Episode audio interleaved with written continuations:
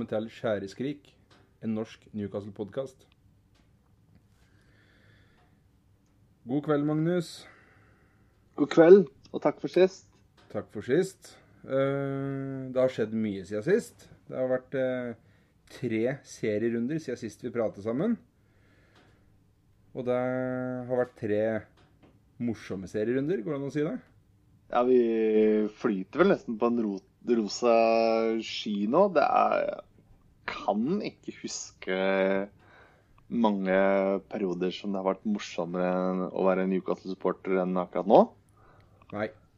Nå er det, det er morsomt nå om dagen. Og eh, vi, sist vi prata sammen, så gikk vi jo gjennom eh, de kamper vi hadde hatt før VM. Og jeg tror jeg landa på sju poeng på de seks siste kampene. Så hadde jeg vært fornøyd. Hvor mange poeng er det vi har tatt siden vi pratet sammen sist, Magnus? Det er vel eh, Ja, altså de tre kampene der har vi jo tatt uh, syv poeng i, hvis ikke jeg tar feil. Ja, det er helt riktig. Så jeg er fornøyd, men mye vil ha mer. Jeg tror Ja, jeg, jeg husker ikke helt hva jeg sa, men jeg tror jeg landa på at uh, fire poeng hadde vært uh, overkommelig på de, på de kampene. Men, men, men syv poeng er egentlig helt Ja, det er eh, helt der oppe. Ja. Nei, jeg ønska meg sju poeng på de siste seks, og vi har fått eh, Vi har fått sju poeng på tre av dem, så Ja. vi Jeg er imponert over eh, jobben som har blitt lagt ned de siste 270 minutter med Premier League-ball. Det er det ikke noe tvil om. Vi ligger godt an Vi ligger godt an på, på skjema. Eh, altså eh, jeg, s- eh, statistikk eh, tidligere da på eh, poeng per kamp eh, så langt i sesongen, så ligger vi på i snitt 1,6 poeng per kamp. Og det vil eh, gjennomsnittet skal kunne gi oss en sjetteplass, da som vi skal ligge an til nå. Ja, men det Eh, så hvis det, vi klarer å fortsette det, så er det jo over over forventa for min del, i hvert fall. ja, ja, for, for min del òg. Jeg, jeg, jeg sa vel her i, i tidlig høst, at, eller i sommer var det vel til og med, at uh, hvis uh, jeg hadde vært fornøyd med en topp ti-plassering Jeg har uh, offisielt endra målsetning for sesongen. Jeg, vi ligger på fjerdeplass per dags dato. Topp åtte. Og jeg er fornøyd, altså. Ja, så du, du går fra topp ti til to, topp åtte? Og det, det Du tar de, du tar ikke i mer enn det? Nei, det høres passivt ut, jeg vet det, men, men uh, jeg, jeg, kunne ha fylt 24 timer med podkast hvis jeg hadde prata om alle de gangene jeg blitt skuffa over Newcastle. Altså. Så Nei, jeg, jeg, jeg går, for, går for topp åtte. Jo da, men vi er uh, Det er mange av oss som ikke klarer å ta det helt innover oss, men vi er, vi er en ny æra nå. Eh, Den tida som vi er vant med som Newcastle-support, eh, det er en, det er en svunnen tid. Så jeg kan jo heller spørre deg sånn, da. Hvis vi skal havne på en åttendeplass denne sesongen her, da tenker jeg altså, Vi ligger på fjerdeplass nå. Ja. Hvilke um, Det blir jo da eh, tre lag til som må være bedre Newcastle. Må gjøre en bedre eh, Må gjøre bedre eh, sesong. um, Ja. For at de skal havne på den åttendeplassen. Så da lurer jeg på hvilke tre lag du tenker kommer til å gjøre det bedre. Uh, da, må jeg bare kontre med å si at uh, alt, uh, alt bedre enn åttendeplass Altså åttendeplass, da er jeg fornøyd. Niendeplass, er jeg ikke- ikke fullt så fornøyd. Men, men eh, altså Manchester, Liverpool og Chelsea ligger bak oss nå. Så de tre Altså, jeg, jeg kan leve med at de tre går forbi oss. Uh, men, men, men jeg ser jo, så, sånn som vi spiller, så topp åtte, det er jo en, en relativt uh, feig målsetning sånn sett. Ja. ja. Nei, jeg, jeg ser det, og jeg, jeg regner jo feil for det må jo bare Det må jo bli fire, det må jo bli fire lag som må være Ja. bedre. Så, og, og hva hvis jeg går med da på at Chelsea Manchester United kommer jo ikke over, det har jeg sagt eh, tidligere, men OK. Ja. Eh, Chelsea, Manchester United og Fulham kommer foran. Nei, Liverpool. Chelsea, Manchester United, Liverpool kommer foran. På Ja. sjuendeplass per nå så ligger Fulham. På niendeplass ligger Brighton. På tiende ligger Westham. Er det noen av de lagene som kommer over? Uh, det, det er veldig tidlig å si med Brighton. Uh, Ja. Men e- eneste utfordreren vår e- Eneste laget som er bedre uh, rundt oss der Jeg er ikke bedre. Eh, eneste laget som kan true vår plassering eh, bak topp seks, da. Det, det må være Westham. Hvis Westham får det til å flyte, uh, får fart på Lucas Paqueta uh, Ben Rama og den gjengen. Så det må være Westham som eneste som kan true sjuendeplassen for vår del, tenker jeg kan være Westham. Ja. OK. Men samtidig, Hvis, uh... men, men samtidig så eh, du, du prater om en ny æra og alt dette der, men, men i min levetid som Newcastle-supporter så har Newcastle sin verste fiende vært trommevirvel Newcastle United. jeg, visste at det var det, var det du kom til å si. Ja, ja. ja. Det er eh, det, det, var, det var en sesong på midt på 90-tallet hvor eh, ting så lyst ut, og vi ødela mye for oss sjøl. Den, eh, den sesongen som du tenker på der, altså En av mine favorittpodkaster er eh, den her svenske podkasteren som heter When We Were Kings. Vet ikke om du har hørt Ja. den? den? Den er, den er, er helt fantastisk fotballpodkast. Det er én episode der som jeg ikke klarer å høre på.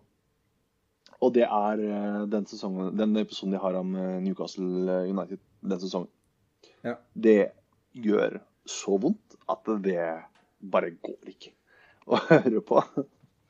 Så vi vet, eh, vi vet godt hva den smerten eh, der er. Og jeg hadde liksom egentlig aldri tenkt i hvert fall de siste 20 åra, at eh, eh, noensinne kom til å se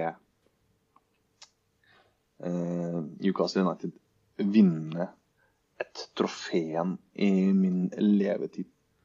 Jeg har liksom ikke sett for meg. Men nå ser jeg for meg det kommer til å skje i løpet av fire-fem år. Jeg er Ja. ja. totalt overbevist om det. Jo, øh, jeg òg. Men, men jeg har eh, Apropos passive målsetninger og sånne ting. Jeg, jeg har sagt at kompiser og alt eh, jeg, jeg har sagt det for ti år siden, jeg har sagt det for fem år siden. Jeg kommer sikkert til å si det i år og neste år òg. Og, og her er det mange Newcastle-supportere som kommer til å være uenige med meg, og det, er- det er helt greit. Men hvis dette prosjekt Newcastle som, som Newcastle er inne i nå, hvis det ender meg kun i gåse hermetegn her Hvis det ender meg kun en ligacuptittel, jeg er fornøyd. Altså, jo, jeg, jeg, ønsker meg mer. Jeg ønsker meg mer. Uh, ønsker meg ligatittel, Champions League. Det hadde vært moro om vi hadde, hadde tatt Champions League før, før Manchester City for eksempel, og PSG, som ikke får det til. Men hvis, hvis noen hadde tilbudt deg uh, for uh, i fjor sommer, før oppkjøpet, før den sesongen starta Hvis noen sa, sa at de neste 20 åra, så, så kan jeg garantere Hvis jeg kan garantere deg at Newcastle tar ligacuptrofé, hadde du tatt det? Ja, det hadde du. Ja, ja, ja, ja, uten tvil. Det er sånn um, ja, ja, uten uh, Jeg hadde jo selvfølgelig gjort det. Og jeg bare kommer til å tenke på uh, i de Hvor mange ganger jeg har sittet og uh, hørt på den derre Local Hero som de spiller på stadion for hjemmekamper. Jeg får alltid tårer i øynene av å høre på den før kamp. Og bare sett for meg at vi bare vinner en FA Cup-finale eller et eller annet, mens jeg liksom kjenner at eh, tårene presser litt, presser litt på. da. Men FA-cupen har liksom drømt han for sånn hakk over, eh, over ligacupen. Ja. Men det er som du sier uh, de, I England så pleier de å si I'd slap your hand off for that. Ja. Og Ja, jeg, jeg ville nok gjort det for uh, Hvis noen hadde sagt til meg som du får, du får en, uh, du får en ligacuptittel i løpet av de 20 åra, så hadde jeg tenkt at nå er det virkelig noe å glede seg over de neste 20 åra. Når skjer det, liksom? Ja. så det skal ikke så mye til. alltid. Nei. Men, men, men du, du, nevner det, den Local Hero, den sangen der. der jeg har en bestekompis min er Arsenal-supporter. Uh, så, så, jeg er litt glad i Arsenal, bare så det er sagt. Men, uh, men uh, den Local Hero, den sangen som spilles når spillerne går ut på, det er faktisk en av favorittsangene hans. Så det er ikke bare vi Newcastle-fansen som liker den. Altså. Hvis du har vært på St. James' og hører Local Hero, ja. den, den, den sitter i, altså. Skrevet av Mark Knopfler som er um, en, en sentral del i bandet Dire Straits, som jeg tenker de fleste har uh, hørt om. Så ja. bare Da må jeg nevne med den nå. Altså, jeg fatter ikke Det hender at kommentatorer er stille under, uh, under You Never Walk Alone når de viser Liverpool-kamper. Men jeg prater over Local Hero når den spilles på Champions før kamper den, eh, den, er jeg ikke helt uh, med på, altså. Den er uh, minst like hellig i min bok. Ja, ja. Uten tvil. Men uh, vi får se litt mot, mot det holdt på å si sendeskjema, det, det, vi har planlagt å prate om. For det blir, som jeg skrev på Twitter, det, vi, vi, liker å prate, vi. Så prøver å holde oss litt til, til skjemaet her. Ja, er sant. Det godt gått, eh, vi har gått 11, eh, snart 12 minutter, minutter og fortsatt ikke vært spesielt innom de tre kampene som har blitt spilt. Nei, så vi får ta en ikke fullt så glidende overgang dit. du nevnte det. Det er tre kamper siden, siden sist. vi har spilt mot Manchester United borte, Everton hjemme og Spurs borte. for to uker siden, når vi pratet sammen sist, så var det for meg tre vanskelige kamper. Uh, Everton-kampen er jo alltid tett og jevn. Uh, ofte avgjort av en uh, ikke fullt så dyktig Everton-keeper. og Manchester og Tottenham borte er Altså, uansett hva slags versjon av de lagene du møter, så er det, det er alltid vanskelige kamper. Men nå sitter vi med fasiten i hånd. Det har vært én uavgjort og to seire. Og nå skal jeg være sånn dum sportskommentator. Hva, hva tenker du nå? Hva, hva syns du om eh, Er du fornøyd med resultatet? Ja, jeg er fornøyd med resultatet. I, jeg, jeg, jeg, tenker nok at det eneste av de kampene som vi på en måte var Jeg vet ikke om man skal si skuffa over at ikke vi fikk med oss uh, mer, men på slutten av kampen så er jeg kanskje glad for at vi ikke slipper inn Altså på slutten der mot Manchester United, da, i den kampen der. Ja. Og så hadde vi jo en gyllen mulighet til å få med oss noe mer i starten av den kampen, når uh, Joe Linton har en dobbel heading i tverrlegger og stang, som man, noe man ikke klarer å få til hvis man prøver en gang på, på, trening. Men når vi ikke får med oss den, så er det sånn typisk at ja, da skal, Det er jo en kamp vi skal score i, da, hvis ikke du scorer på, uh, på de der.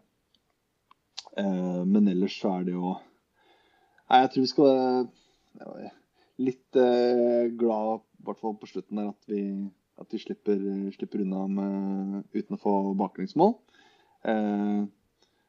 Eh, men så er jeg Jeg fikk øh, både meldinger og beskjeder i etterkant om at øh, Newcastle hadde betalt dommeren med oljepenger fra Saudi-Arabia i den kampen der.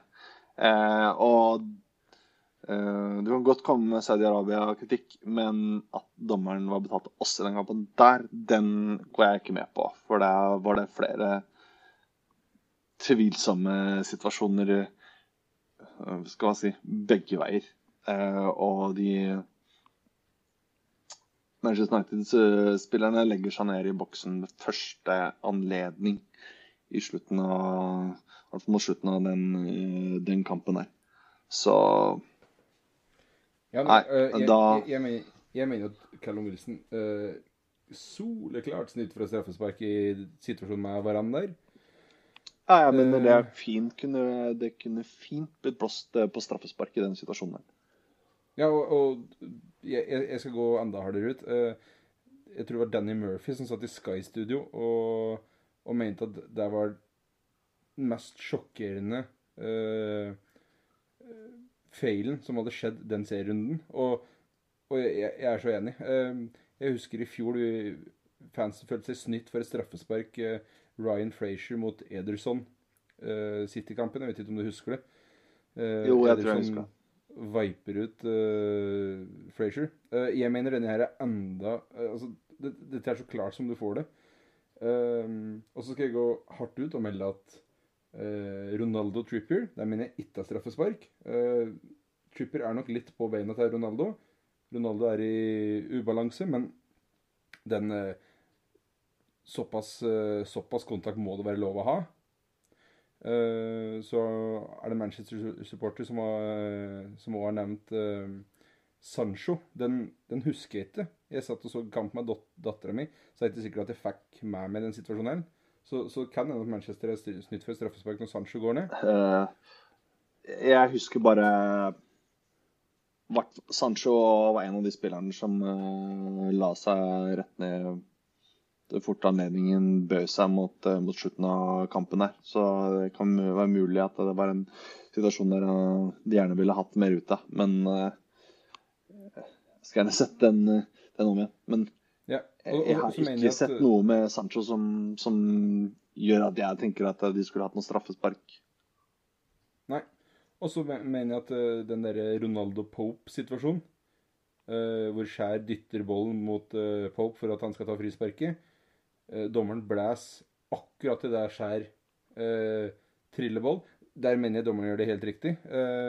sannsynligvis så ser han ikke situasjonen fordi han ikke har blåst. Eh, snur seg og blæs samtidig. Uh, jeg, jeg, mener at alle, alle, som har spilt fotball, skjønner hva som skjer. Altså, Skjær tar ikke det frisparket. Han dytter boll til Pope. Og, da, ja, og frisparket er ikke tatt ennå.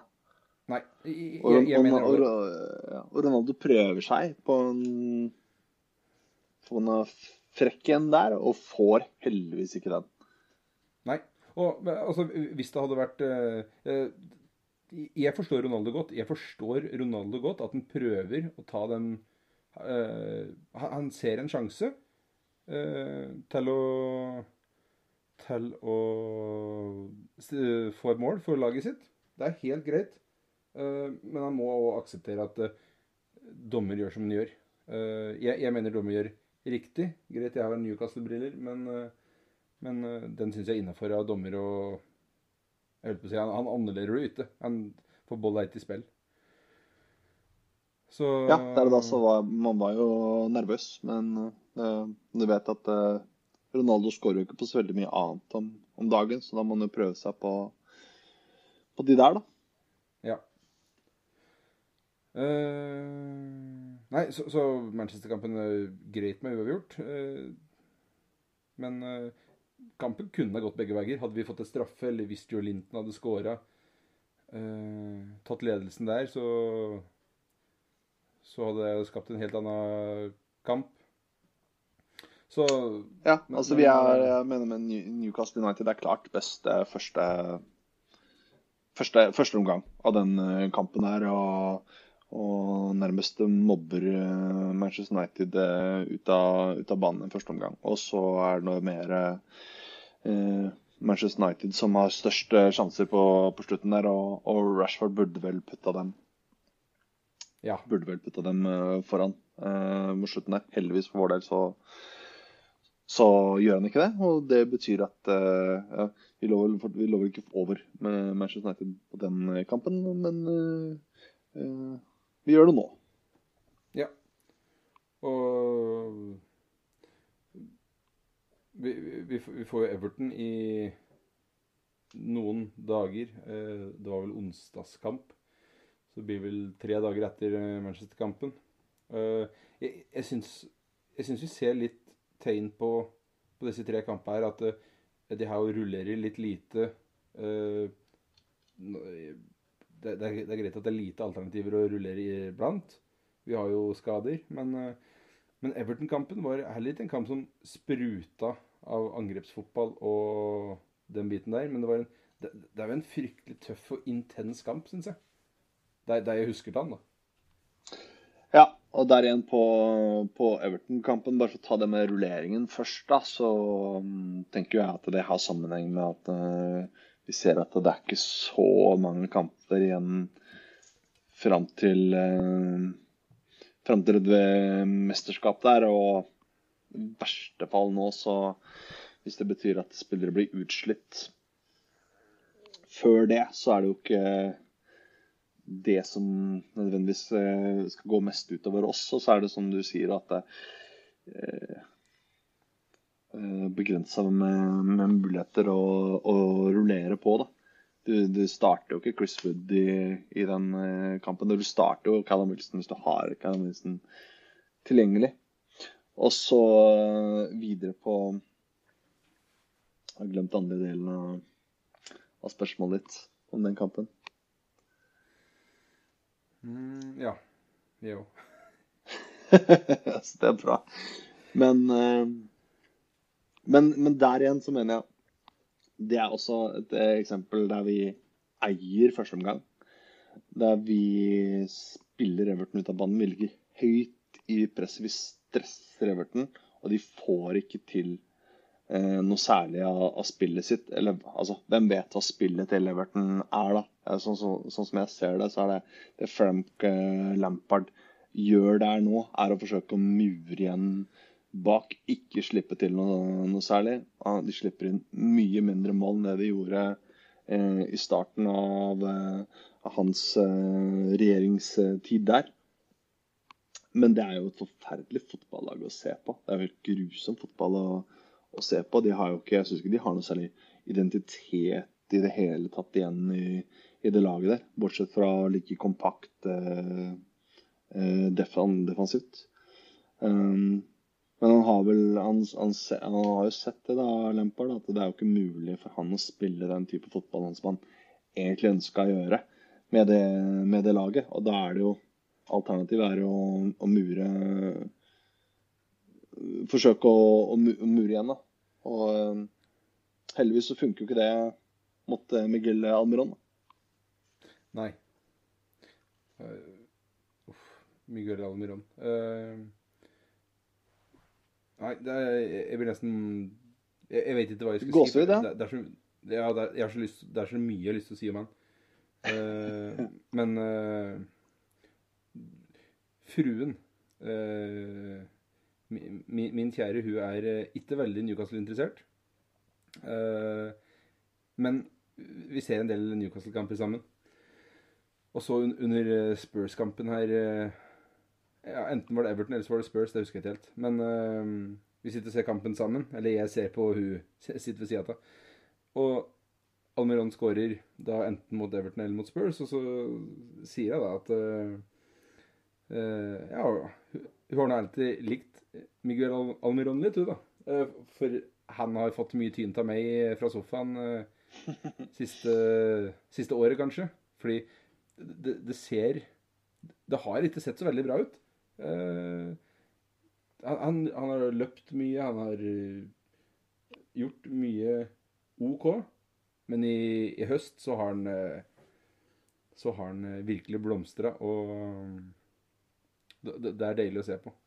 Så både kamp mot Everton og mot Spurs så er Almiron virkelig viser hva som bor inn, altså. Ja, altså Hvis det er vanskelig å, å, beskrive å beskrive han og den Han har jo drømmesesongen sin. Han har seks skåringer i Premier League så tidlig i sesongen. Han har skåra mer enn Callum Wilson. Um, han ser jo ut som en eller annen type fra en uh, sånn Disney-tegneserie. Og han ser ut som han lever på Han ser ut som han lever på sukker og gelatin, liksom. Ja. Men eh, hva som har skjedd Jeg vet vi har fått et lytterspørsmål om det, men altså hva som har skjedd med han og det eh, end-produktet som har, uh, har, kommet hos han. Han er jo bare fantastisk å se på når han, uh, når han leverer på den måten. For han, han smiler jo hele tiden. og Han gir jo fra seg en sånn Virker som en sånn fantastisk karma rundt seg. Det er en spiller som du ønsker alt godt. Men som du sier, han har hatt perioder han har produsert veldig, veldig lite. Eh, og det har eh, endra seg eh, i etterkant av at en viss Manchester City-spiller kom med noe uh, sånn der slurvete fyllekritikk mot ja. Almeron. Jeg vet ikke om du fikk med deg det? Jo, jo, jo. jo, jo. Ja. Det er, jeg jeg syns det, det, er så usmakelig av en profesjonell idrettsutøver å henge ut en annen uh, kollega eller rival, eller hva du vil kalle det, på den måten som Jack Reeley kjører med Miguel Almiron. Ja, og Siden Grealish gjorde det, så har vel han null mål i Premier League, mens Almiron har seks. Så ja. vi kan snakke om sluttprodukt, da. Ja. Uh, nei, men som du sier, vi kommer inn på Almiron i lytterspørsmålet her. Men uh, par, det, det, er én ting vi, har, vi, må ha på den Everton-kampen, og det er um, Evertons målvakt. Jordan ja. Pickford fra, fra, fra Sunderland. Som uh, tidligere har vært ute i flere omganger og vært uh, tydelig på at han ikke er spesielt begeistra for Newcastle som by eller folk fra, folk fra byen eller, eller, klubben. Men når vi da ser eh, at det løper en eller annen tulling opp på Gallagate med T-rex-kostyme eh, ja. I pausa der så er det ikke mulig å la være å smile. Og det morsomste er at han som løper rundt i den T-rex-kostymet, han blir jo stoppa av de stewardene og tatt vekk og ikke vet jeg om det er fordi at de mener at det er for drøyt overfor eh, Pickford, eller at de, uh, det er retta inn mot han, eller at det generelt ikke er OK å gjøre det på stadion. Men morsomt er det uansett. Ja. Jeg, jeg, jeg så uh, Det var noen uh, norske Newcastle-supportere som var på den kampen, tror jeg, mot Everton. Og hadde så, Som i hvert fall la ut en film på, i kommentarfeltet på supporterklubben, så jeg. Der, der sto T-rex nede ved, nede ved målet. Jeg lurer på om det var i pausa. Muligens før Muligens før hun ble tatt av vaktene eller noe. Men Nei, den, den, den, greia mellom Pickford og Newcastle-fansen, den er uh, Den er helt magisk. For som vi prata på før før, før vi trykte opptak her, så er det Pickford han, han, mister det. Han mister det mot Newcastle. Det, det mentale for Pickford bare forsvinner. Eh, jeg er sikker på at han er en veldig Han er en OK keeper. Han er en god skuddstopper. Han har et fantastisk godt tilslag med beina. Eh, jeg vil påstå han er en god Premier League-keeper. Men mot Newcastle han mister det helt. Uh, ja, jeg jeg syns det er fryktelig moro. Uh, hvis det er noen som ikke har fått med seg det, så handler jo det her eh, Det med T-rex-greiene handler jo om at uh, han får litt pes for at han har litt korte armer for å være en keeper. Han er ikke spesielt lang, og han har jo ikke spesielt lange armer. Så det er noe som går tilbake en, en, en stund etter at eh, han slengte slengte drit. Det var vel spesielt eh, Går vel tilbake ved den sesongen som Newcastle rykka ned og Sønderen holdt seg oppe. Den siste sesongen der, før alt gikk galt for, uh, for Sunderland igjen. Når det, her, når det her begynte. Men det er jo påpekning om at han har, at han har korte eh, ermer, da. Um, og um, utenom det så mener jeg at han er en helt middelmådig eh, Premier League-keeper som har hatt et bra mesterskap for England bak seg. Men bortsett fra det så mener jeg at han er en keeper som Everton har betalt altfor mye penger for. Han hadde en ganske svak statistikk, i hvert fall første sesongen etter at de henta han. Men var jo, var jo hausa da som et stort, stort talent. Men som du sier da, han, han, klarer jo ikke å vise at han ikke lar seg affisere av eh, de ropa og de sangene som kommer mot han når han er på St. James' Park. Og det mener jeg det var under Carlo Ancelotti, når eh, Everton kom til, uh, til, Newcastle for et par sesonger siden, som han ble droppa. Han fikk ikke spille den kampen, og var, grunnen til det var jo at han ikke klarer å og få hodet på rett plass i de eh, kampene der. Og som vi nevnte tidligere òg, det var jo Den eh, kampen var det Robin Olsen som stod. Det klarte jo ikke Newcastle å, å, å, vinne den eh, kampen der. Hver gang jeg ser han starter der, kommer mot oss, så vet jeg at ja, her er det stor sannsynlighet for, for scoring. Han har jo ikke ja. sjans på det Jeg tror de fleste hadde jo ikke hatt sjans på skåringen til, til eh, Almiron der. Men han står jo både eh, dårlig plassert der og har jo ikke har heller ikke lange nok armer til å ta, den, eh, ta, til å ta det skuddet. Nei. Og jeg, jeg husker En av favorittkampene mine mot Everton er jo den 2-2-kampen på Goodison Park. Hvor, ja, med å, herregud. Det er vel Lejeune som skårer eh, Lejeune, ja. Å, herregud, ja. ja. uh, liten digresjon, men, men uh, jeg oppdaterer jo da Jeg oppdaterer jo da under kamper for uh, supporterklubben på Facebook. Og den kampen som, Apropos miste det helt. Jeg mista det helt. på 2-2 der. Jeg, jeg får ikke riktig på assist. Jeg får ikke riktig på målskårer. Jeg skriver at det er 2-2 i Everton. Jeg glemmer at Everton ikke er en by i England. Det tar, det tar 40 minutter eller sånt etter kampslutt før, før jeg innser at fader, Everton er jo i Liverpool. Så når, når jeg ser over eh, etter kampslutt for å oppdatere riktig målskårer og sånne ting, og så er det Nei, vent, da. Everton er ikke noe by. Så Nei, men, men, det som er litt moro da, med, med den kampen, er jo at to, jeg tror det er 2-2-målet, så står jo Pickford inni mål og redder. Det er Golan Technology, tror jeg, som, eh, som eh, markerer scoring der. Men Pickford står jo halvannen meter inni mål og redder. Armas ser da ut som T-rex-armer, så det er, er bare bensin på det bålet. ja.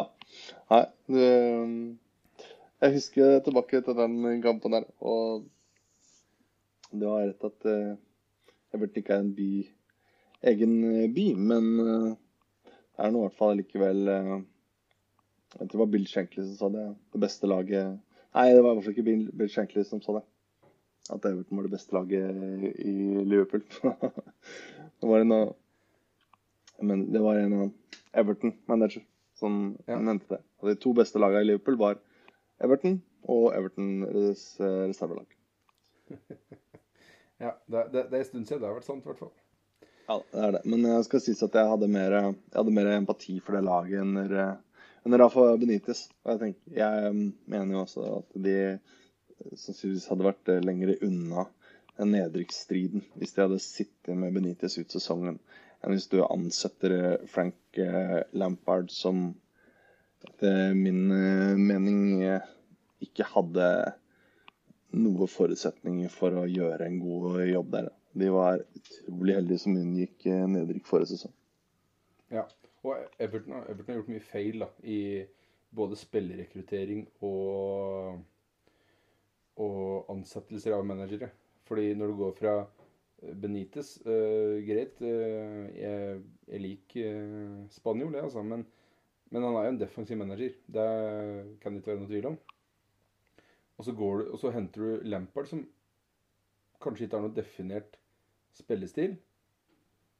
Og, og det, det, er vanskelig for en type som Lampard å komme inn og snu, snu et sånt lag. han klarte det jo heldigvis for Everton, men, men jeg, jeg tror nok ikke at Everton overlevde pga. Frank Lampard? Nei, jeg tenker heller på tross av, dessverre. Ja. Altså, eh, og, og, når Lampard kom inn der, så var det jo fordi at uh, han skulle spille offensiv fotball med laget. Og Det var derfor supporterne ville ha han, uh, ha han, inn også. Og Det forsøkte han å gjøre. Henter inn Dele Alli, som skulle være um, denne drivkraften offensivt uh, der. Det funka jo ikke i det hele tatt. Så forsto Eh, heldigvis, kan man si, da, for, eh, for Frank Lampard og Evertons del, at det her går jo ikke. Jeg kan ikke spille sånn med det laget her. Og så eh, la han til en mye mer defensiv, eh, defensiv stil. Og bl.a. pga. at de totalt ufortjent slår Newcastle 1-0, så klarer de seg på, på slutten der. Denne sesongen her har det jo eh, ikke vært noen særlig offensiv spillestil i det laget i det hele tatt. De har jo mista sin beste spiller i han. Eh, Rikarlison også. Så det kan nok være en del. Men jeg, jeg ser ikke for meg noe, no, noe fremtid med, med, Frank Lampard i, i, i, Everton. Og jeg ser ikke, noe, ser ikke det er noen klubb som er noe trussel for oss, sånn som, sånn som det er nå. Nei, langt ifra. Langt ifra. Men du, du nevnte Richarlison. Hvis vi da skal bruke han som en uh, overgang til uh, Han spilte ute, riktignok, da. Men uh, til den siste kampen som ble som har blitt spilt nå. Uh, vi, vi, vi, må innom Spurs-kampen før vi går videre. Fordi seier på Tottenham Hotspur Stadium, hvor de har, de har vel kun seire fra april i år uh, på hjemmebane. De har litt uh, en uavgjort her, tror jeg. Og da. det... Jeg, jeg, jeg, mener jeg leste før den kampen at de hadde elleve seire i Premier League. På rad? På, på sin nye stadion før vi troppa opp nå. Ja, det, det, det tror jeg stemmer. Og øh, den kampen, altså det, å vinne der, det er, det er, det er så sterkt. Det er, det det et signal. Uh, en signalseier, hvis, du, hvis, det går an å, hvis det går an å si det. Uh, og det verste er at jeg syns vi spiller en god kamp. Eller i hvert fall en god førsteomgang, da.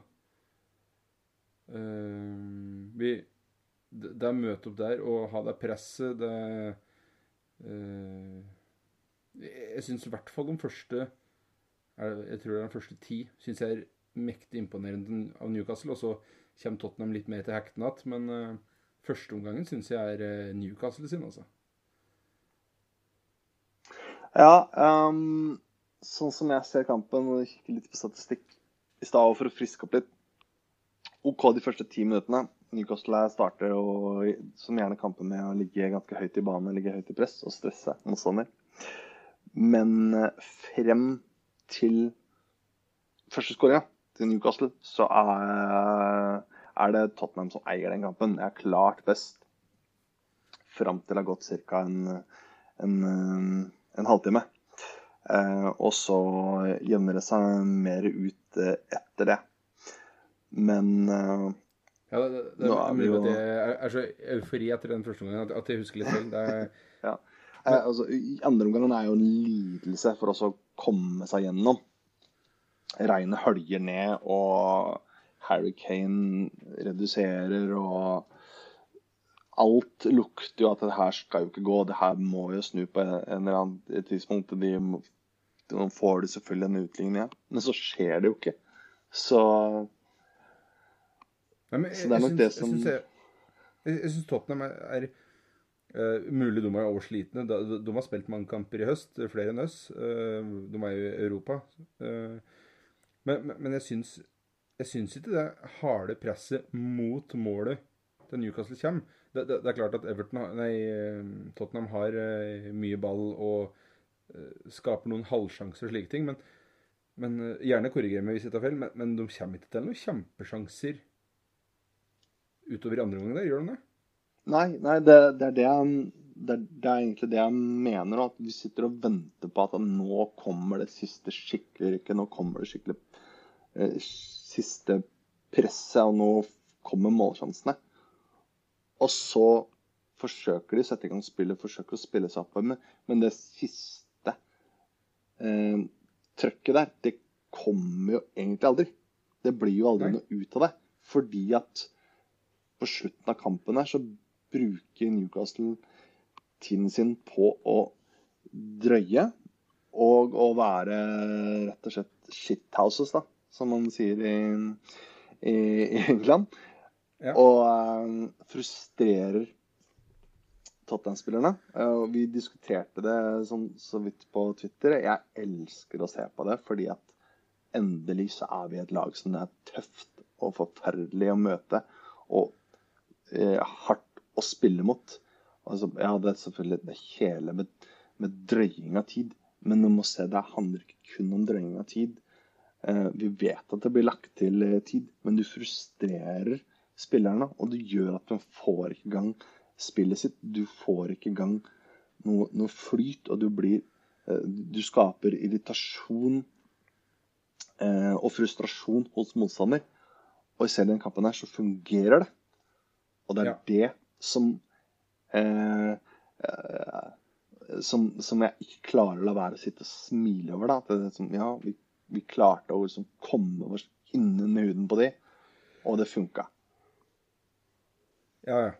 Og, men um, Harry Kane var vel flere ganger borti dommeren enn da han var borti Boll, da, tror jeg.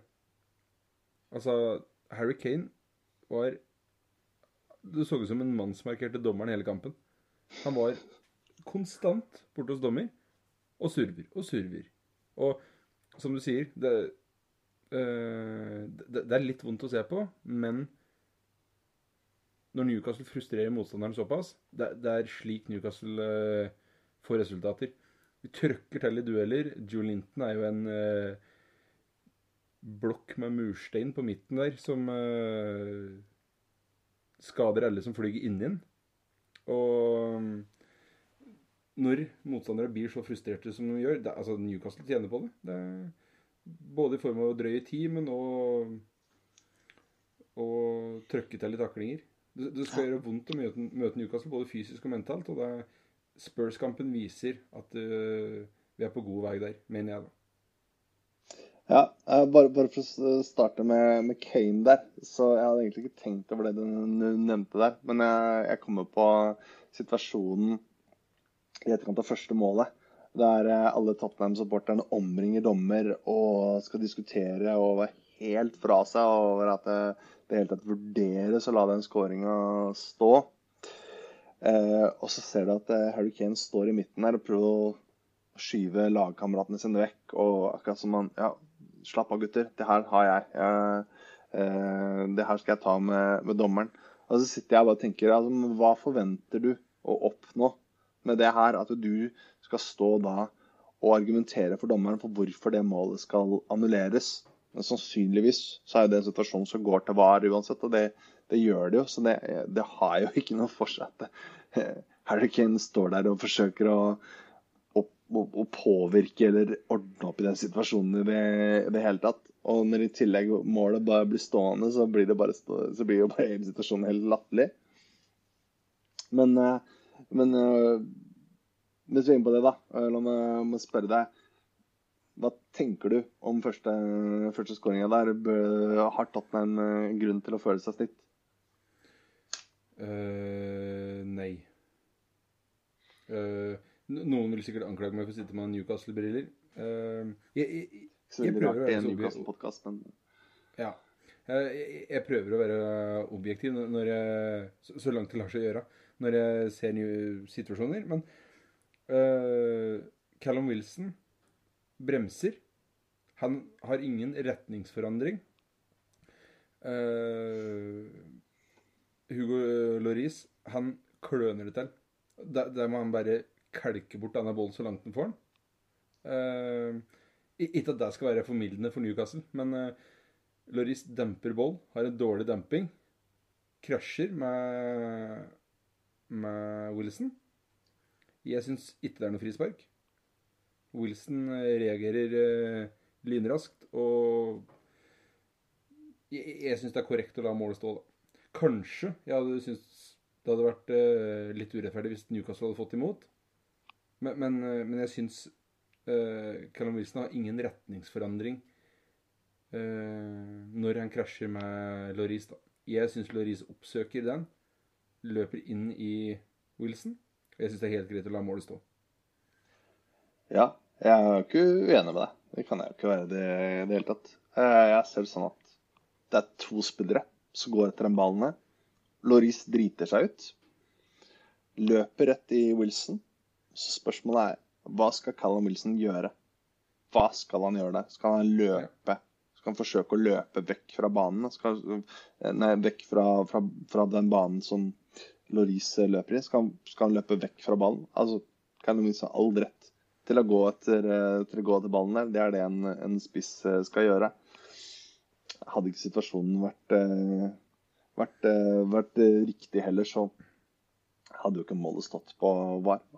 Jeg er ikke noe stor VAR-tilhenger, men jeg tenker at når det først går til den bua som skal sitte og vurdere de, de bildene der, så kan det jo godt gjøres å bomme på avgjørelsen der i, i, i tillegg. Så nei, han, han eh, gir oss en eh, gavepakke der, og han driter seg ut og drar i hamstra for å, for å se om det er noe det kan gjøres for å få annullert målet.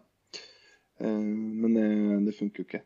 Og så altså, det er jo, Men det er jo ikke eneste gavepakken vi får fra Loris i den kampen der. Nei da. Men, men, men den, den andre, den, den, den mener jeg Cézinho må ta like mye skyld i. Fordi når uh, Han taper jo duellen med Longstaff. Longstaff eh, på det utspillet du prater om. Og så uh, Greit, det, det, er en litt, det er et litt dårlig utspill.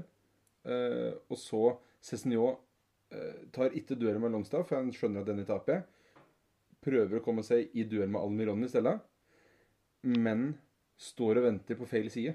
Hvis han kommer seg på, på, ball, altså på riktig side mellom angrepsspiller og mål, så, så blir ikke dette mål.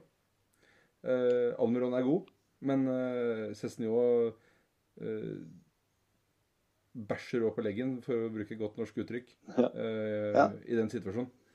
Og så bør jo selvfølgelig Loris gjøre det mye bedre på avslutninga. Men Men, men, men det er det er, det er godt å se hvor hardt vi trykker etter da, i disse situasjonene der. Ja, eh, som, som du sier der, det er jo ikke mm, mye som skal til der før jeg tror det er eh, en vending eller to, så er jo Almeron alene igjennom. På, på sida der har klare, klare bane mot, eh, mot mål. Så det er akkurat den der må jo selvfølgelig ta Så synd at det er halvparten av, skylda si på. Men vi kan jo ikke annet enn å sitte der og smile og le. Ja, OK, du har fått to gavepakker i første gang mot dette mm, Tottenham-laget her. Nå er det mulig å, å få med seg noe. Ja. Eh, og det kommer fra det kommer fra en bane som vi har eh, flere opplevelser med, med, dårlige, med dårlige minner eh, på. Jeg hørte på en annen podkast før altså tidligere da. Uh, Mimra tilbake til eh, eh, 2014. eh, der vi spilte jeg og Newcastle tapte 4-0. Um, og i mål den dagen så sto det en uh, viss Jack Olnick, hvis du, hvis du, husker, Ja. eh, hvis du husker han.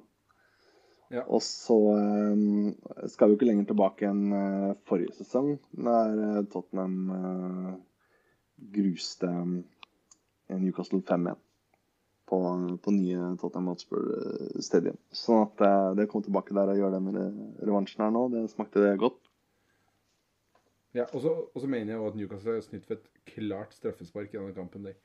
Så jeg, jeg skrev jo der på Twitter at når, når VAR ikke dømmer straffe på den, så vil noen, noen vil selvfølgelig påstå at vi er heldige som får mål, første målet, men, men når VAR ikke dømmer straffe på Hensen til Emerson Royal, Ja. da, da, da, mener jeg at den Newcastle fikk mye tyn for hvordan de gjennomførte andreomgangen i form av drøying av tid og den biten der, men uh,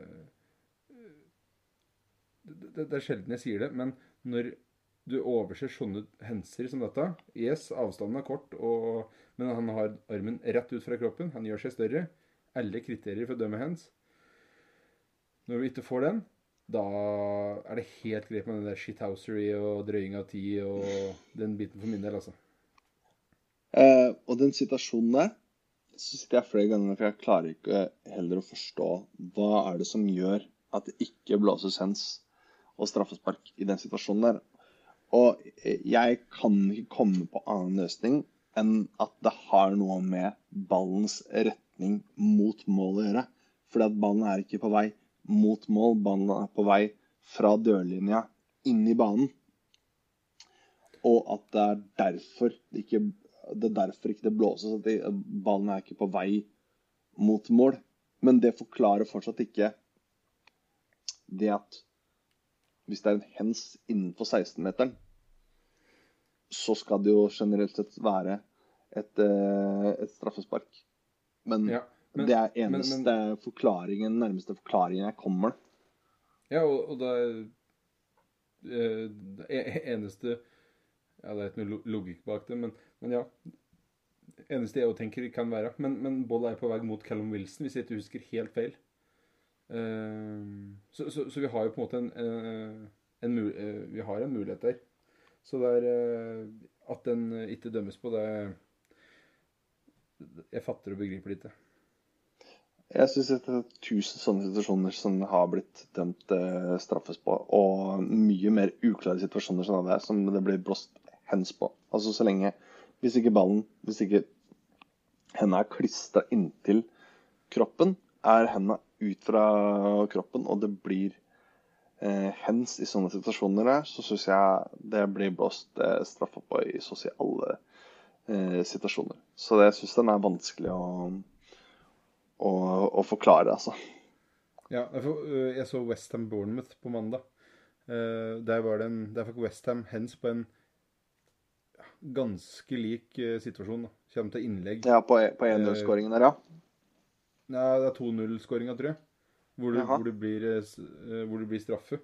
Helt på slutten av kampen, hvor de skal Uh, ja, det var på overtid. Uh, ja, OK.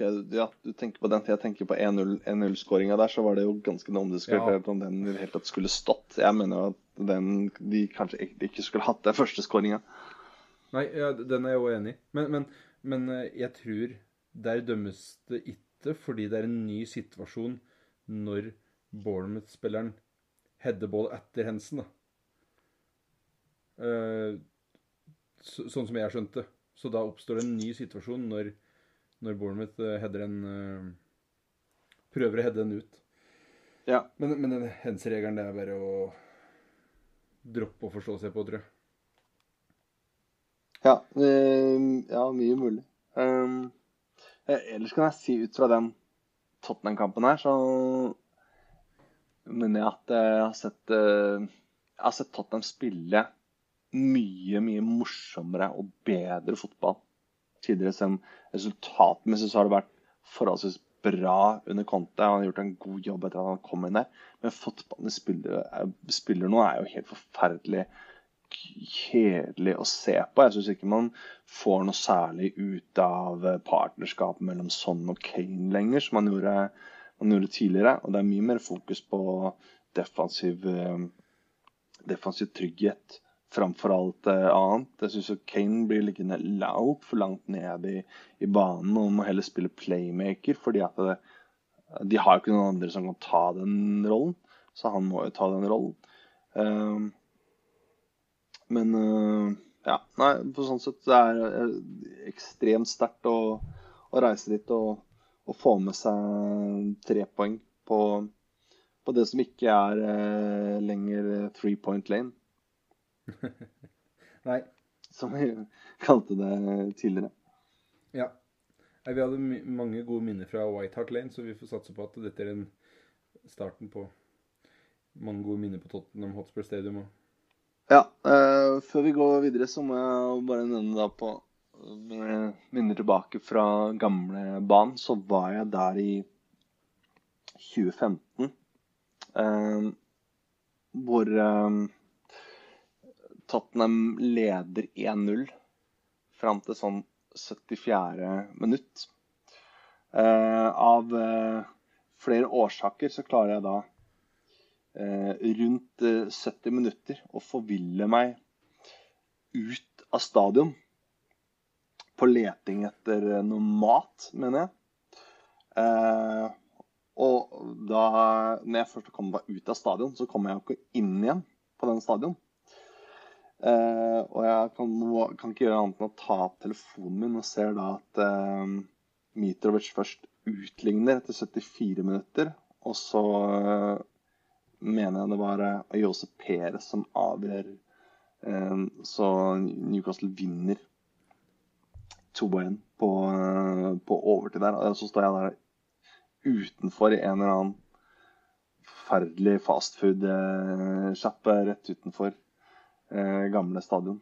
Og det, det området rundt eh, Tottenham det kan du si mye om, men det er i hvert fall Tidligere så var, var ikke det det flotteste området i, i, i, London, for å si det sånn.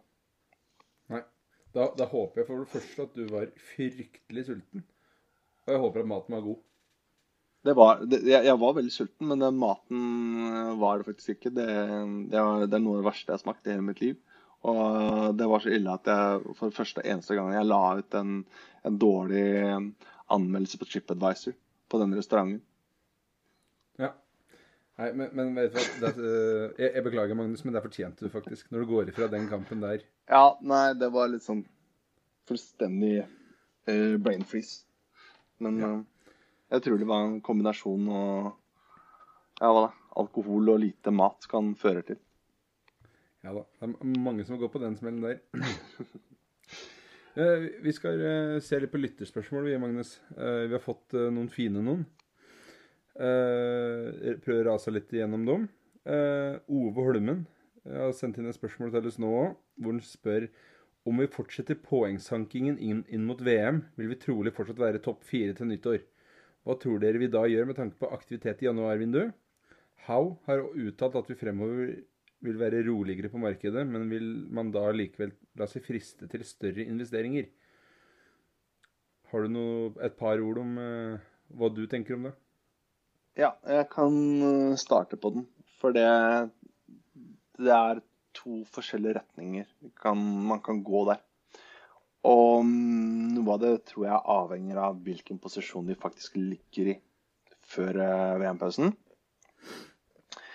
Eh, og den andre handler nok litt om hvor mye vi har anledning til å bruke i forhold til um, ja, både midler i klubben. Som du vet også, så er det ikke sånn at vi sitter på uh, hele oljefondet til um, Saudi-Arabia som vi kan bruke akkurat som det, uh, det passer oss.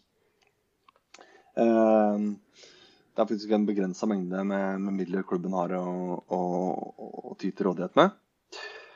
Men eh, den første delen da, handler om at hvis eh, det ser ut som at vi ligger an Hvis vi fortsatt ligger i en topp fire, da, og ser, vi ser at det er en reell mulighet for at vi kan skaffe oss en Champions League-plass, så klarer jeg ikke å forstå annet enn at det nye eierskapet kommer til å gjøre alt i sin makt for å gå alt inn for å klare det. Eh, og hvis det betyr at det er visse spillere som skal inn, som kan hjelpe oss å nå det målet. Eh, så kommer, eh, så kommer man til å gå eh, hardt inn for å prøve, for å, prøve å, å, hente inn de spillerne. Men på den andre siden igjen, så man ser litt mer realistisk om det, ja, avhengig, litt avhengig av skadesituasjon og om vi ikke ligger så høyt på tabellen som det vi gjør nå, at man ser litt mer realistisk på det, så tror jeg det er prioritert å gå for ja, en offensiv midtbanespiller, og utenom det eh, kanskje litt her, mer på de her eh, lokale Nei, ikke lokale, men, men, unge talentene. Det var bl.a. en brasilianer som vi snakka om i, i, forrige episode. Eh, jeg tror veldig mye avhenger av hvilken posisjon vi ligger i før det, før det, det sluttspillet, og, og hva det er reelt sett mulig å få ut av sesongen. Men ja. du skal få lov å svare på det, du også. Uh, ja, jeg skal, prøve, jeg skal, prøve, å holde meg litt kort. Jeg tror uh, Jeg, jeg syns det er litt mye fokus, ikke, kun fra Ove Holmen her, men, men uh, jeg ser det er flere som prater om hvis vi ligger topp fire i januar, hvis, hvis som ditt og hvis som datt. jeg tror uansett om vi ligger topp fire til nyttår eller ikke, så kommer vi ikke til å være langt bak.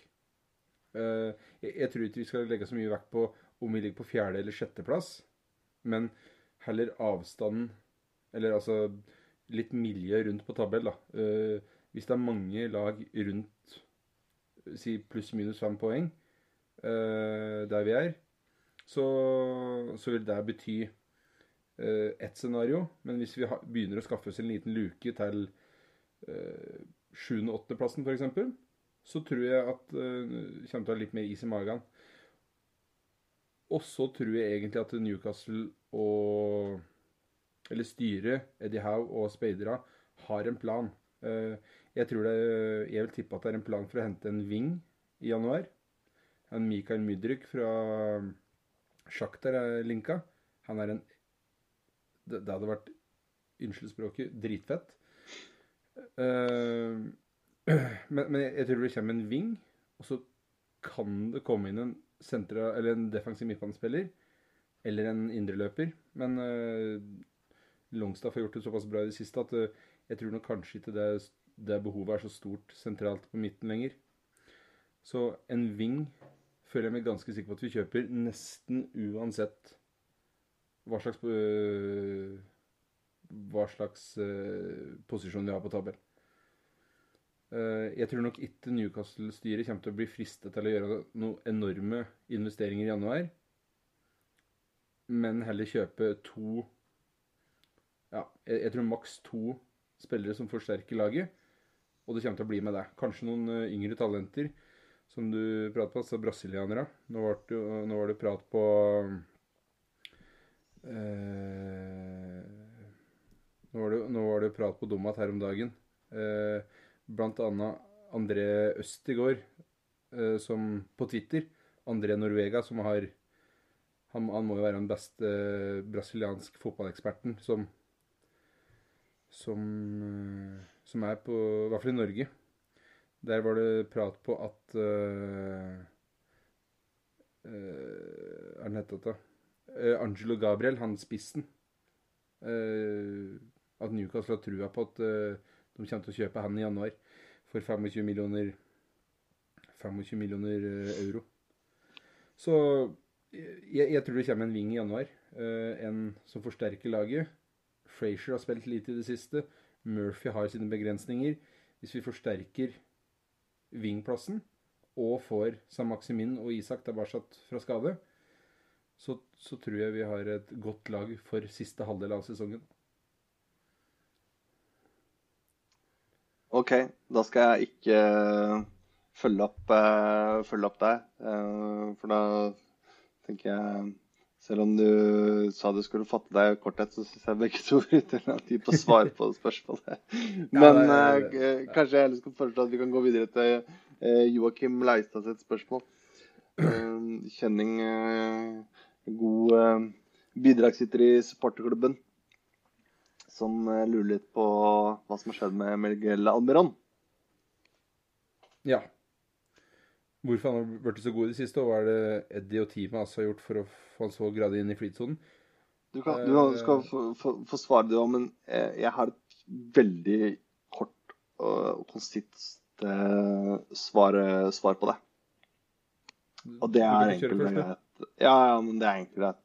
Det er utrolig hvor mye riktig og god coaching kan gjøre. Uh, og hvis du trener mer enn to dager i uka eh, på det du skal trene på, eh, så pleier det å funke.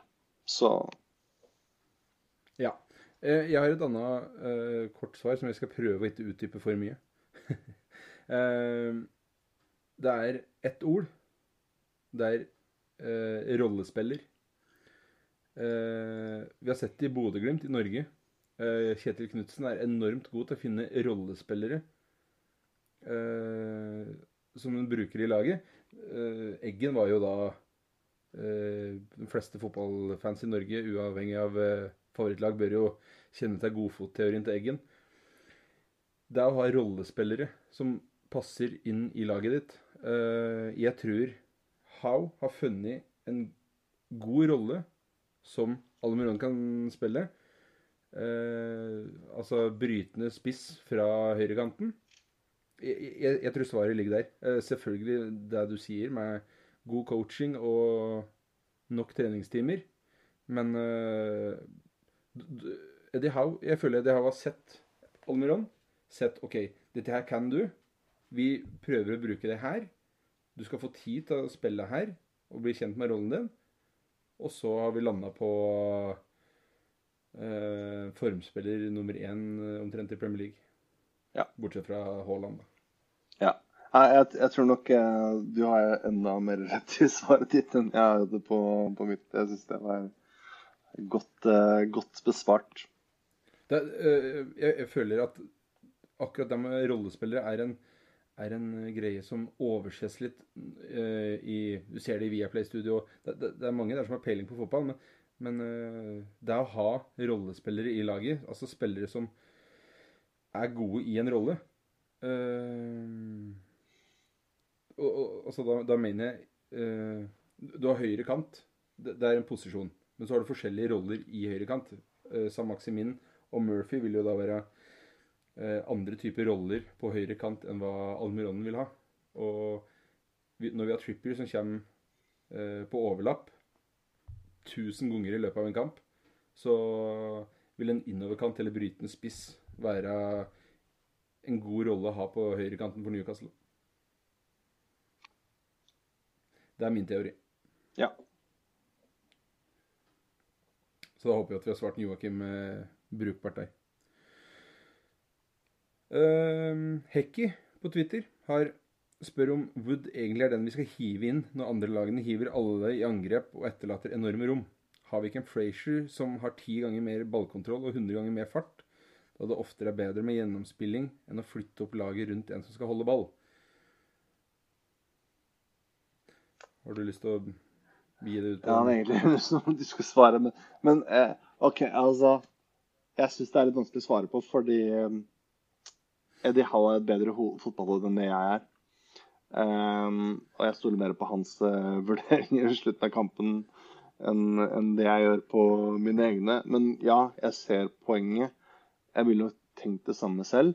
Men samtidig så ser jeg jo eh, hvilken rolle Chris Wood har når han kommer inn på slutten av kamper der. Og han gjør det spesielt Det i siste kampen mot eh, Tottenham. Han binder opp spillere. Han kan holde på ballen. Han kan senke tempoet i kampen hvis det, det, hvis det er det vi er ute etter. Og det virker jo å være det som vi er ute etter i den, eh, den kampen der. Og så er det tydeligvis da andre spillere som må ta den her jobben med, med å gå i, i kontring, da. For det er jo ikke det det er jo ikke det Chris Wood er der for å, for å gjøre det. Men jeg synes i hvert fall at den jobben som Chris Wood skal gjøre når han kommer inn, det gjør han sånn som vi kan Altså absolutt sånn som vi kan forvente at han skal, eh, skal gjøre. Så at vi, at vi kan bruke han i den rollen der. Eh, helt OK på slutten av kampen hvis det funker. Så er jeg mer bekymra hvis eh, Callum Wilson nå blir, eh, blir skada over eh, lengre tid, og vi må, hvis vi må starte kamper med, med Chris Wood på topp. Ja, øh, jeg, er helt enig med deg. Øh, jeg, jeg jeg skjønner hva Hekki spør om. I- eller spør om, det er litt vanskelig, men jeg skjønner hva han mener. Men hvis, hvis du setter Frazier opp mot uh, Chris Wood, så uh, Ofte så blir det slått langt klareringer. Og da skjønner jeg godt hvorfor vi velger å ha Wood på topp, som du sier. Uh, hølle på ball. uh, dra ned tempo, kanskje få et frispark. Eh, knuffe litt mot stoppere. Eh, og så er det et poeng med når du blir pressa bakover, så avgir, så gir du ofte bort cornere, kanskje noe frispark, innkast som kastes langt.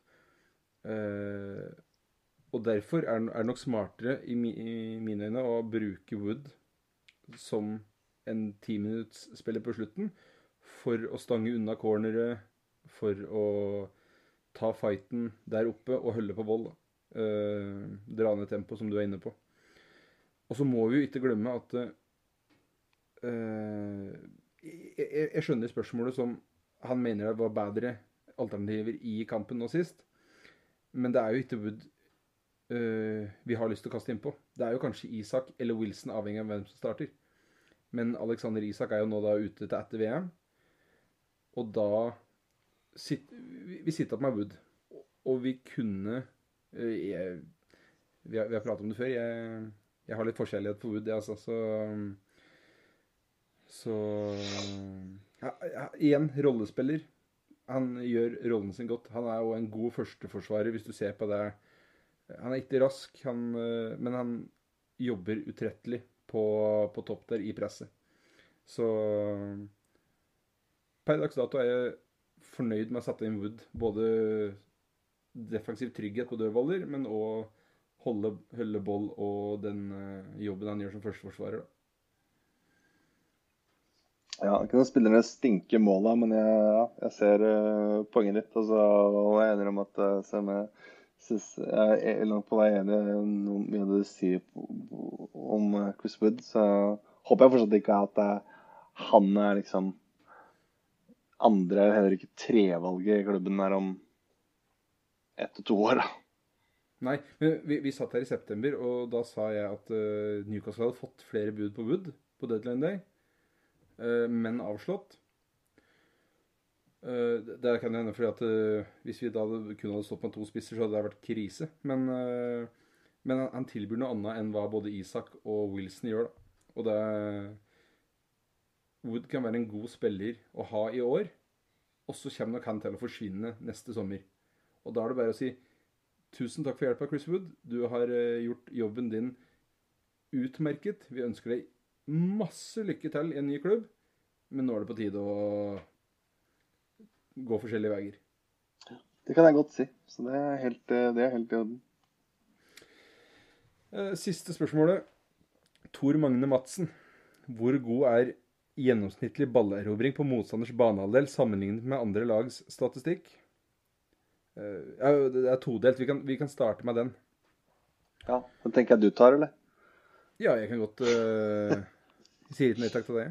Uh, det, har jo, det har jo vært en del prat om nå i det siste på high turnovers.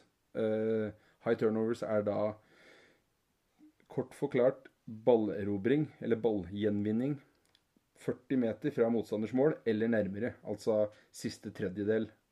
Offensiv tredjedel for, Newcastle sin del, da. Uh, Jamie Carriager var på Monday Night Football på Sky uh, på mandag, naturlig nok, uh, og prata om eh, high turnover, eller om Newcastle-statistikk. Eh, stilen Eddie Howe kjører. Og i 1920-sesongen så hadde Newcastle 4,5 eh, high turnovers per kamp. Ranka som nummer 20 i Premier League. Sesongen etter 2021, 4,7 per kamp. Renka som nummer 20. I fjor, 21-22, så hadde Newcastle 6,7 per kamp. 15.-plass. Så langt i år 10,6.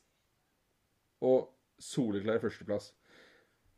Og det denne statistikken forteller, så er jo da at uh, Newcastle står mye høyere. Vi presser mye høyere og har Uh, ja, altså 10,6 high turnovers. Høye ball, ballgjenvinning, da, for å bruke norsk ord. Og, og uh, statistikken jeg har sett, det, det, fører til mange skudd. Få mål, så det er, en, det er et område hvor vi har potensial for å utvikle og gjøre bedre. Men, men vi ser da under Bruce at det, tallene til Eddie Howe er da dobbelt så høye i høy gjenvinning kontra det det hadde vært under Bruce.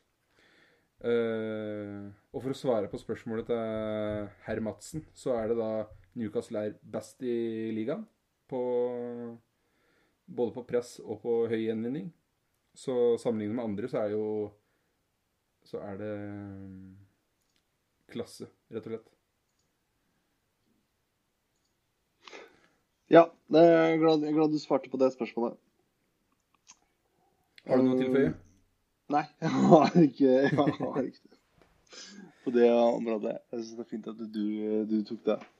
Um, men uh, jeg, kan bare, jeg kan bare slenge inn, for at du var på statistikk her. Jeg har skrevet opp uh, Jeg pleier ikke å ha mye statistikk, men jeg har skrevet opp bare kjapt noe jeg fant før podden, og det var XG. Um, altså Vi får vel uh, ta det som et uh, spørsmål. da. Kan du gjette hvilken plass vi ligger på i, med tanke på det, det, som vi kaller for positiv XG? da? Hvor mange mål som er uh, antatt at vi vil skåre i løpet av kamp? Hvilken plass vi ligger på? Ja. Jeg vil tippe vi ligger relativt lavt. Vi, vi skårer jo ikke ja, vi, vi skårer jo forholdsvis bra med mål, men det er en del eh, eh, Det er jo en del eh, langt ute. Eh, få tap-ins. Jeg vil tippe vi ligger på niendeplass. Ja, Nei, vi ligger en god del høyere enn det. Vi ligger faktisk på den posisjonen som vi ligger på i, i tabellen. Så vi ligger på fjerdeplass i Premier League på, på XG. Eh, positivt. Og så ligger vi eh, likelydende på eh, positivt uh, i, med tanke på XG mot. Uh, for der er det om å gjøre å ligge lavest mulig. Så det vil si 20.-plass er jo best mulig. Der ligger vi på en 16.-plass når det gjelder XG mot. Så um, Og vi er jo også sånn defensivt så er det jo ingen lag i Premier League per nå som har sluppet inn færre mål enn Newcastle. Nei. Og da må vi også ta med at Newcastle har spilt flere kamper enn bl.a. Arsenal, City og noen av de andre lagene. Ja. Så, der, Så Snakk om å mure igjen bak, da. Ja. Eddie Howe can't teach defend. defense, var det noen som sa her i, i november i fjor. Ja. Ta, ta det en bolle, sier jeg da. Ja, det var litt andre forsvarsspillere han hadde å jobbe med i Bournemouth enn det han har i Newcastle. Da. Ja. Men uh, mens vi er inne på det, Magnus uh, Eddie Howe var jo i Madrid uh, når han var arbeidsledig, og om han studerte eller om han prata med, det skal jeg ikke si for sikkert, men Diego Simione Tidenes mest defensive manager, kanskje. Jeg tror han har pluk plukka opp mye der, og det sier litt om Eddie Howe som type òg. At han OK, dette er et felt jeg kanskje ikke er så fryktelig sterk på da oppsøker vi noen som har peiling, og får svar. Det er det beste du kan gjøre på alle mulige områder, det. Ja. Men jeg tror det er ganske mange i hvert fall fotballtrenere som er litt for arrogante til å, til å gjøre det. Uten tvil. Ja. Det var, det var uh, lyttespørsmålet for denne gangen her. Uh, ja, jeg tenkte på det. Vi er på 1,18, og så er vi, vi har fortsatt ikke gått på Vi har fortsatt ikke snakka om uh, neste kampen vår mot, uh, mot Villa. Nei. Vi, vi, vi, får ta en kjapp prat om Aston Villa til helga. Ja. ja. ny manager, men han kommer ikke til å være Nei, nettopp. jeg tenkte jeg skulle si, ja. Og eh, Uh, har det her sammenheng med at han Det som skjedde med at han eh, godeste Emery, som har fått jobben i Aston Villa, eh, takka nei til Newcastle eh, Stillingen i Newcastle United forrige sesong. Har det noen sammenheng med at det er derfor han ikke ønsker å komme og ta første kampen sin her? Uh, jeg skal være såpass blærete som jeg aldri pleier å være. Uh, jeg, jeg, tror det har en del uh, med saken å gjøre. Jeg tror ikke Emery har lyst uh, til å komme hit og, eller komme til Newcastle og tape mot Newcastle. Nå er det ikke sikkert vi slår Aston Villa, det er ikke det jeg sier. Men jeg tror ikke Emery har lyst til å komme til Newcastle og tape første kampen. Spesielt når han hadde muligheten til å komme hit i november i fjor, og den formen Newcastle er i. Jeg, jeg tror det ligger mye der. Og så kan noen si at grunnen Ja, men han har lyst til å trene inn, trene inn eh, sitt lag og sånne ting før uh, Før han tar kontroll på kamp. Vet du hva, du kommer midt i sesongen. Du har ikke, du har ikke så mye du skal ha sagt. Tar du en jobb, så får du ta jobben. Uh, jeg, jeg er overraska over at Emry ikke sitter på benken på søndag. Ja, jeg, altså, jeg kan ikke finne noen annen grunn til det enn at den der ser at det der er en ekstremt dårlig kamp å, å, å starte med. Men jeg finner ikke noen annen grunn til at uh, man, skal, man, skal, vente med å ta, ta, det ansvaret. Bortsett fra at han vil ikke ha, en, han vil ikke ha den, en dårlig start uh, der.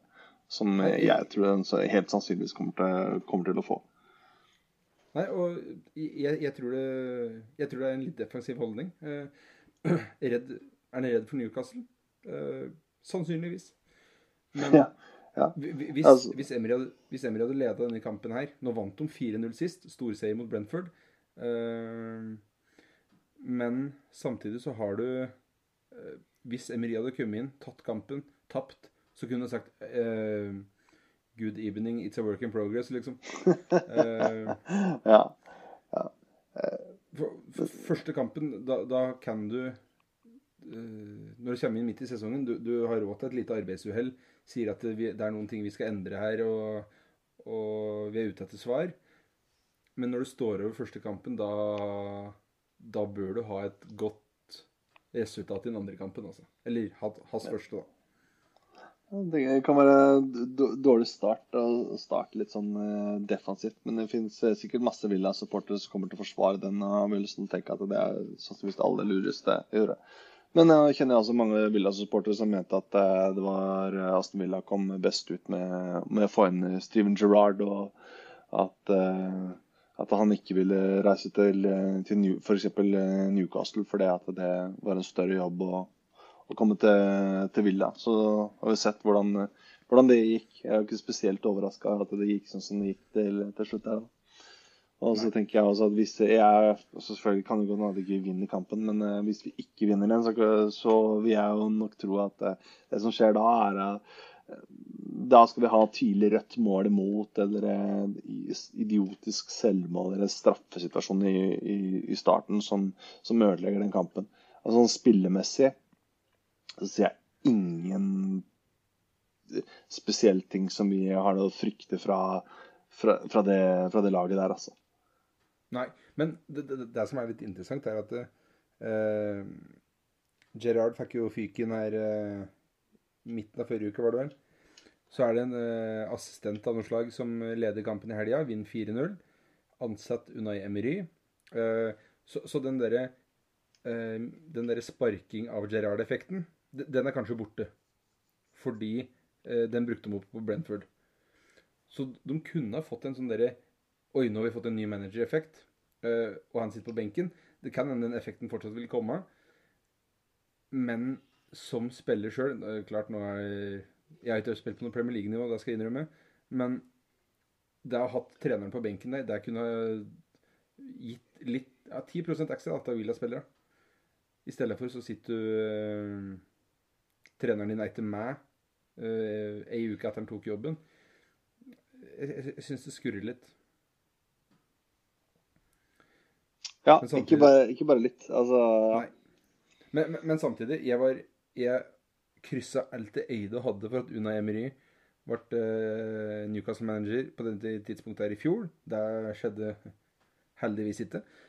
Veldig fornøyd med Eddie Howe. Men uh, Aston Villa får en veldig god manager som kommer til å løfte dem og ta dem høyere. Jeg ser ikke på Villa som noe som skal konkurrere med oss. Eh, til det tror jeg vi både er for langt framme i prosjektet og har for solid uh, fundament. Men at uh, Unai Emery og Aston Villa kommer til å bli en god match, det har jeg, det har jeg dessverre trua på. Jeg tror de har fått en bedre manager inn enn det vi hadde. Å ja, uten tvil.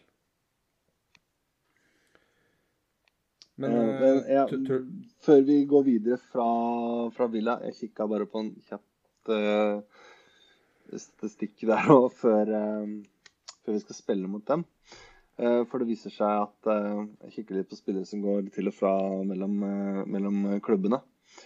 Og så viser det seg at fra altså nyere tid, da, eh, siden 1998-1999-sesongen, så er det fem spillere Newcastle har henta fra Aston Villa i den perioden. Og da lurer jeg på hvor mange av de spillerne du klarer å nevne.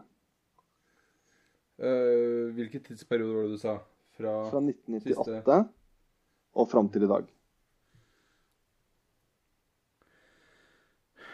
Hvor mange klarer å nevne? Det er ikke mange. Eh, Jeg, jeg tipper du klarer én det er eh, Nå, har ble blitt jernteppe her.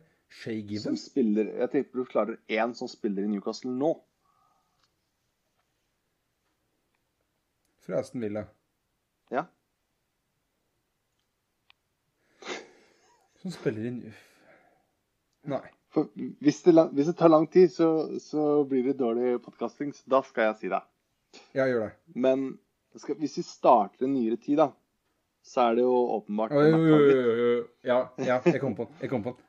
Å, søren og så siste vi henta Men jeg skal klare siste vi henta fra Villa før Target i, i 16-17-sesong.